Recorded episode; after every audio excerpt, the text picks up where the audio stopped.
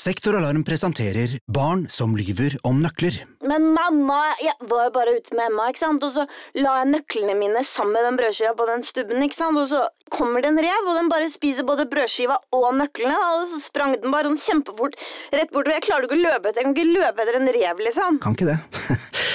Akkurat nå har Sektoralarm kampanje på boligalarm og dørlås med kode istedenfor nøkler, slik at barna alltid kommer hjem til en trygg bolig. Les mer på sektoralarm.no.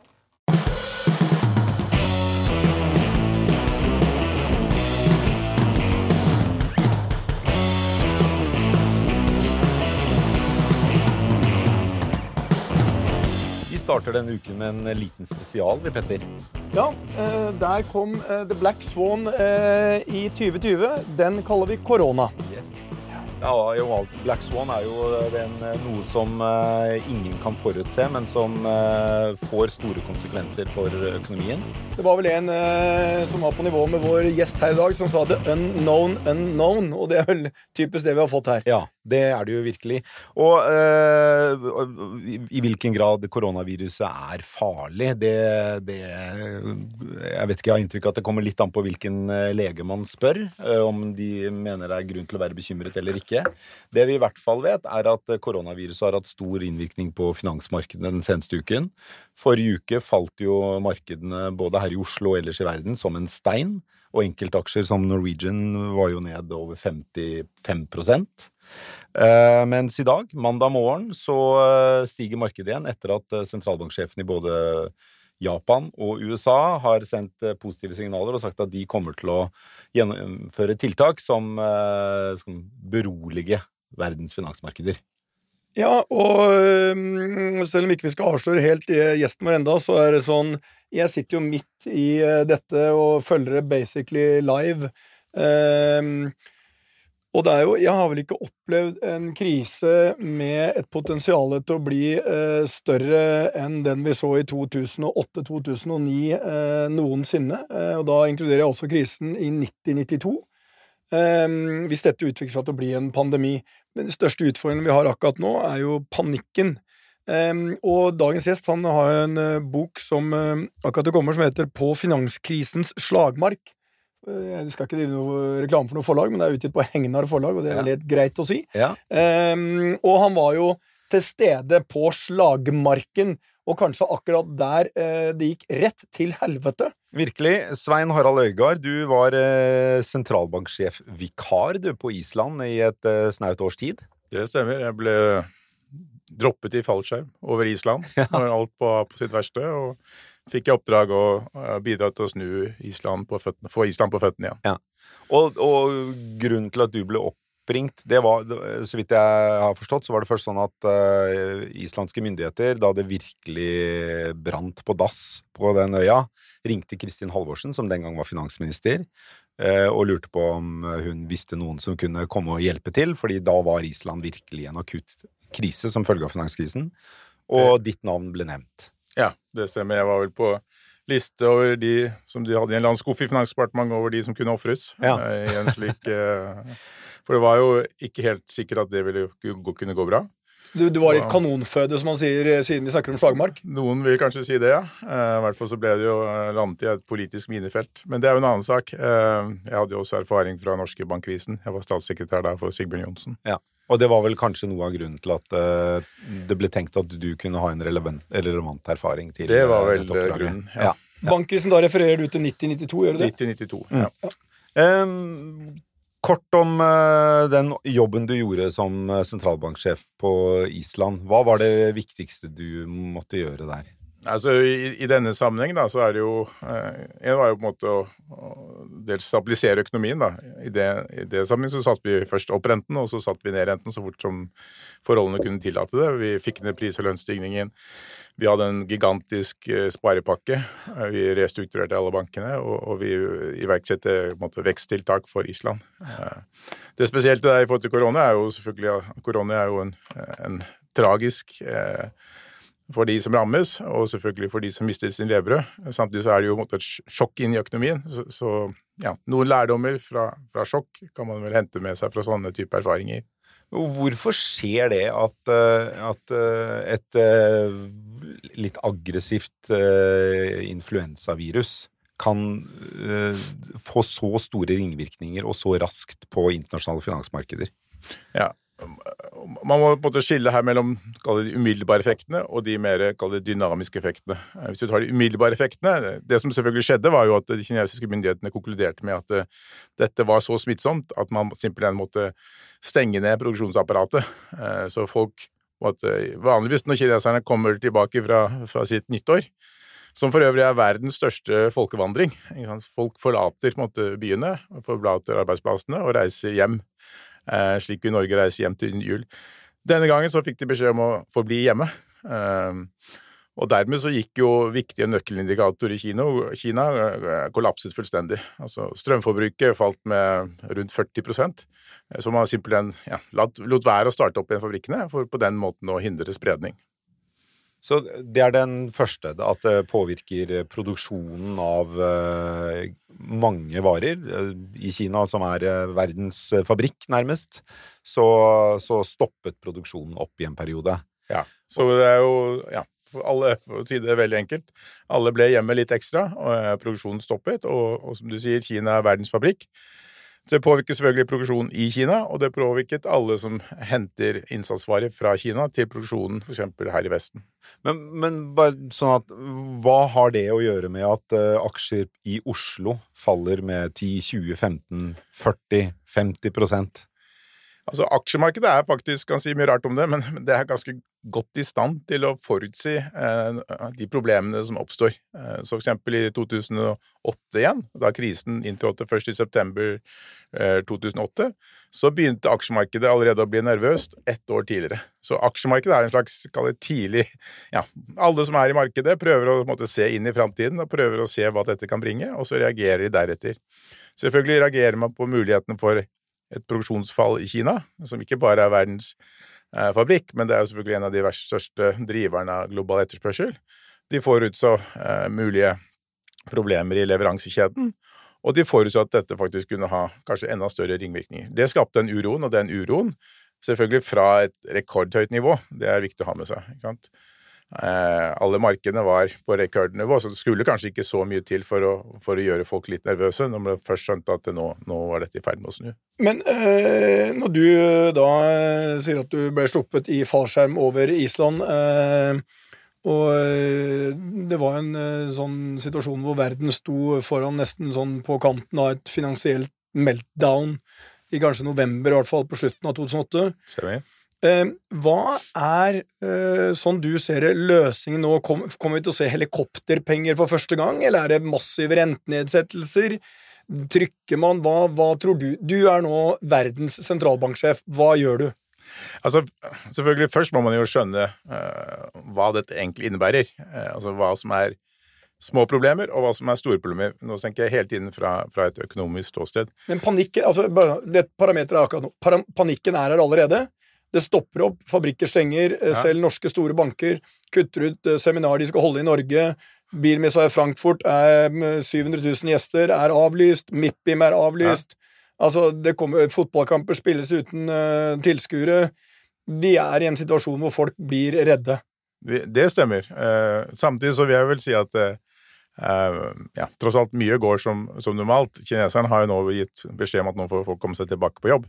Eh, så det landet som først ble rammet, der begynner det i hvert fall å gå ut signaler om at eh, ja, nå er det på, på tide å gå i gang igjen. Eh, hvis det er noe som viser seg å være reelt, så er jo dette mer enn et, et lite dipp.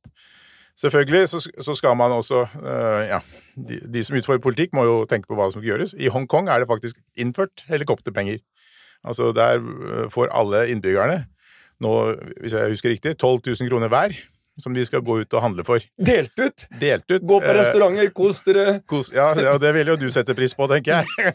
ja, altså jeg merker med det oljefondet vi har, at det er 12 000 i Hongkong, det er 50 000 her, så får vi fart i ja.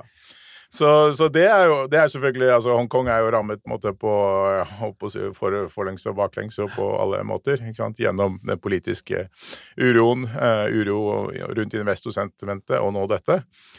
Så der har man jo konkludert med at det her må altså Det er vel nesten den største kanonen da, eh, som en sentralbank har. Det er det de kaller helikopterpenger, altså hvor Det er et uttrykk som brukes hvor man måtte flyr over landet, ikke bokstavelig, da, men bare drysser ut et gitt beløp til alle, alle innbyggere. og og, hva heter det? Indiscriminately. Altså du, alle får penger. At I denne sammenheng alle får penger. Ja. Ja. Uh, men uh, eh, em, når, eh, når Fed i USA, den amerikanske sentralbanken, eh, sier at de eh, vurderer tiltak for å berolige markedene, hva slags type tiltak kan det typisk være? Altså, du har på en måte en skala her av? Helikopterpenger er på en måte det ekstrempunktet. Da disjer du ut penger til Mm. Ja. gud og hvermann. Et Og det vil vi ikke se her, tror du? Det tror jeg Da skal det gå veldig langt før det, steng, før det skjer. Mm.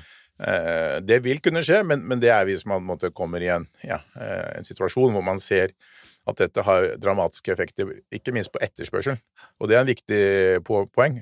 Påvirker dette primært etterspørselen eller tilbud, altså produksjonsevnen? Mm. For hvis det påvirker produksjonsevnen, så hjelper det ikke veldig mye med helikopterpenger. For da er det jo for simpelthen det at folk ikke går på jobb, som er problemet. Eh, og det får, du ikke, det får du ikke løst ved å, ved å dishe ut penger. Men hvis du går tilbake og sier at dette handler om ja, å få ting til å skje, få etterspørsel, så er det jo, som jeg sier, helikopterpenger. Den mindre ekstreme varianten av det er jo å ha null renter. Ja. Du bare setter renten ned og ned og ned.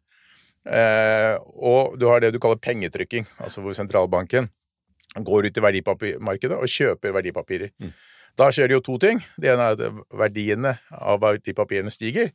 Og det andre er at det går penger fra sentralbanken, som jo kan anførsel, trykke disse pengene i kjelleren, ut i markedet. Og dermed så blir det høyere verdsettelse og mer såkalt likviditet i markedet. Det stimulerer også økonomien, og det er jo det man har gjort nå mer eller mindre sammenhengende faktisk siden 2008. Så det er det nest minst, eller ja, øh, også et relativt øh, dra, ja, dramatisk virkemiddel. Tror du det er det vi vil se nå? At øh, både sentralbanksjefen i USA, her i Europa og i Asia vil begynne å trykke mer penger igjen, sånn som de gjorde Ja, altså det er det, for å si det sånn, jeg vil kalle det det er nesten en sånn skal du si, førstelinjereaksjon. Altså, det gikk jo allerede ut melding på fredag fra amerikanske sentralbanken om at de er rede til å sette ned renten. Markedet begynner allerede å forvente det. Å starte såkalt pengetrykking, det, er en, ja, det kan de bestemme på, på, på et par timer. eh, og, og du trenger ikke si, noe politisk eh, involvering i det hele tatt. Så, så dette er jo på en måte i anførsel sentralbanken og fagøkonomene som setter seg ned og sier at nå gjør vi bare dette, og så gjør de det. ja. Så det kan skje ganske raskt. Det kan skje eh, Ja, det kan skje eh, i løpet av en uke, vil jeg få si. Men vil det overraske deg hvis jeg sier følgende jeg, Vi sitter jo og følger dette dag for dag og time for time i systemet hos oss. Og vi har per eh, dags dato sett veldig lite på, og vi har basically tracker Norden, på etterspørselen og bookinger av hotellrom og aktivitet så langt. Ehm, og vi har vært overrasket over det. Altså Hvis du leser avisene og eh, er i en virkelig verden, eh, er du overrasket over det? Nei, jeg er ikke egentlig det, for at, altså, bildet er ekstremt sammensatt altså, i forhold til de økonomiske effektene. Altså, vi ser noen ting som, måtte, hvor man stenger helt ned, og så ser vi egentlig veldig mye som måtte, putter av gårde eh, på vanlig måte. Eh, samtidig så er det klart at det er en si, usikker situasjon. Hvis, hvis folk føler sin helse truet, så tror jeg folk vil gå til ganske dramatiske tiltak da, for, å, for å unngå det. Men, men i Norge, bortsett fra at jeg så dere hadde skilt på døren om å, hvis du har korona, vennligst ikke gå inn i studio. Eh, men ut fra det, så, utover det så føler jeg vel at man ja, så langt det begrenset effekt på, på norsk økonomi. Vi har sett noen norske bedrifter måtte stenge fordi de ikke har fått uh, forsyninger fra Kina. Og så ser vi selvfølgelig altså, Hvis det virkelig skal bli eh, problemer, så er det jo ikke bare at du må ha et dropp, men det droppet i etterspørselen eller tilbudet må utløse en eller annen ustabilitet som ligger der. Og i finansmarkedet, ustabilitetene trygges jo ofte av, hvem som har for mye gjeld. Altså de har så mye gjeld at det- det skal bare lite sjokk til, og så får du på en måte, ja, den, denne tuen, da, får det store lasset til å velte. Og da må man gå videre og spørre ok, hvor i verden har du ubalanser, da, som eventuelt kan forsterkes av, av den type. Og Hvor i verden jo- tror du vi har de ubalansene? Altså, tallene viser jo da, altså Nummer én så viser jo tallene at vi har dobbelt så mye gjeld i verden i dag som vi hadde i 2008. Så, så gjeldsproblemet som utløste finanskrisen, har man ikke løst. Men BNP er vel kanskje dobbelt så stor òg? Ikke fullt dobbelt så stor, for den har vært puttet av, gårde i Altså dette er i forhold til BNP. Unnskyld at jeg sier det. Okay. Eh, men det er klart det er mye gjeld i selskapssektoren i Kina. Eh, det er en av de som har tatt på seg masse gjeld. Så er det jo selvfølgelig enkelte virksomheter i ja, i Vesten, altså oppkjøpsfond, hvor det er mye gjeld, også ikke minst i USA. Og så er det selvfølgelig en del stater som har dårlig statsøkonomi, og, og fremst blant de er USA.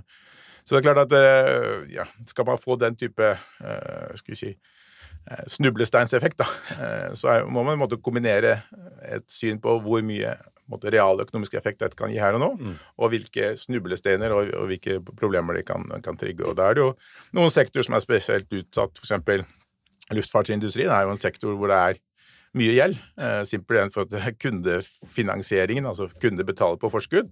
Og det er egentlig det som finansierer veldig stor del av overskuddet. Og det gjelder jo både ja, det gjelder vel innenfor eh, reiseliv, og det gjelder innenfor hotellvirksomhet, og, og det gjelder innenfor uh, for luftfartsindustrien. Så ja, det er andre rundt bordet som er mer kvalifisert til å se nå, men, men er, det er klart at det er noe som man Og så er ikke det en sektor som sånn sett altså, For at du skal få en stor effekt på verdensøkonomien, så må du ta et noe stort må skje i et stort land. Ja, og det, og, og det som store i et stort land er, må da er noe ja. som påvirker en stor sektor betydelig. Så når jeg ser på tallene, så ser jeg vel at uh, ja, tallene peker vel mer i retning at dette er noe som vil kunne gå over og, og, stabilisere, og at det skal ganske mye til før man får den type ja. kall det snublesteinseffekter. Så du er mindre bekymret i dag enn det du var når du ble sluppet over Island i fallskjerm?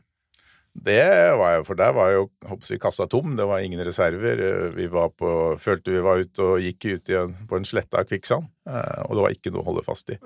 Her er det jo tross alt mye å holde fast i og mye å tro på. og ja, Eh, mange, det er mange negative, og det er selvfølgelig en enorm tragedie.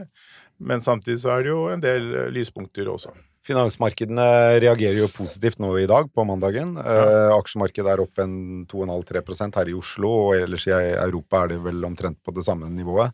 Eh, tror du vi har sett det verste av eh, finansmarkedets bekymring for koronaviruset? Nei, det tror jeg ikke man kan legge til grunn. Altså, altså det avhenger jo selvfølgelig veldig mye Det er to ting. Ene er hvordan smitten brer seg, og det andre er hva det utløser i form av, av, av sykdom, og, og, hva, og, så er det jo hva de økonomiske reaksjonene på det. Mm.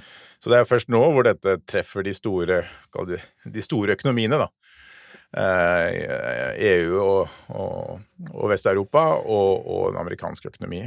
Ja, eh, så du tror at dette er en bekymring som eh, jeg vil komme altså, og gå litt skal, i en god stund? Ja, at dette blir, kommer til å gå i kall det bølger mm. eh, framover. I påvente at man ser et eller annet tegn på at ok, nå, ja, nå, vet vi, og nå skjønner vi at det går i den ene eller andre retningen. Ja.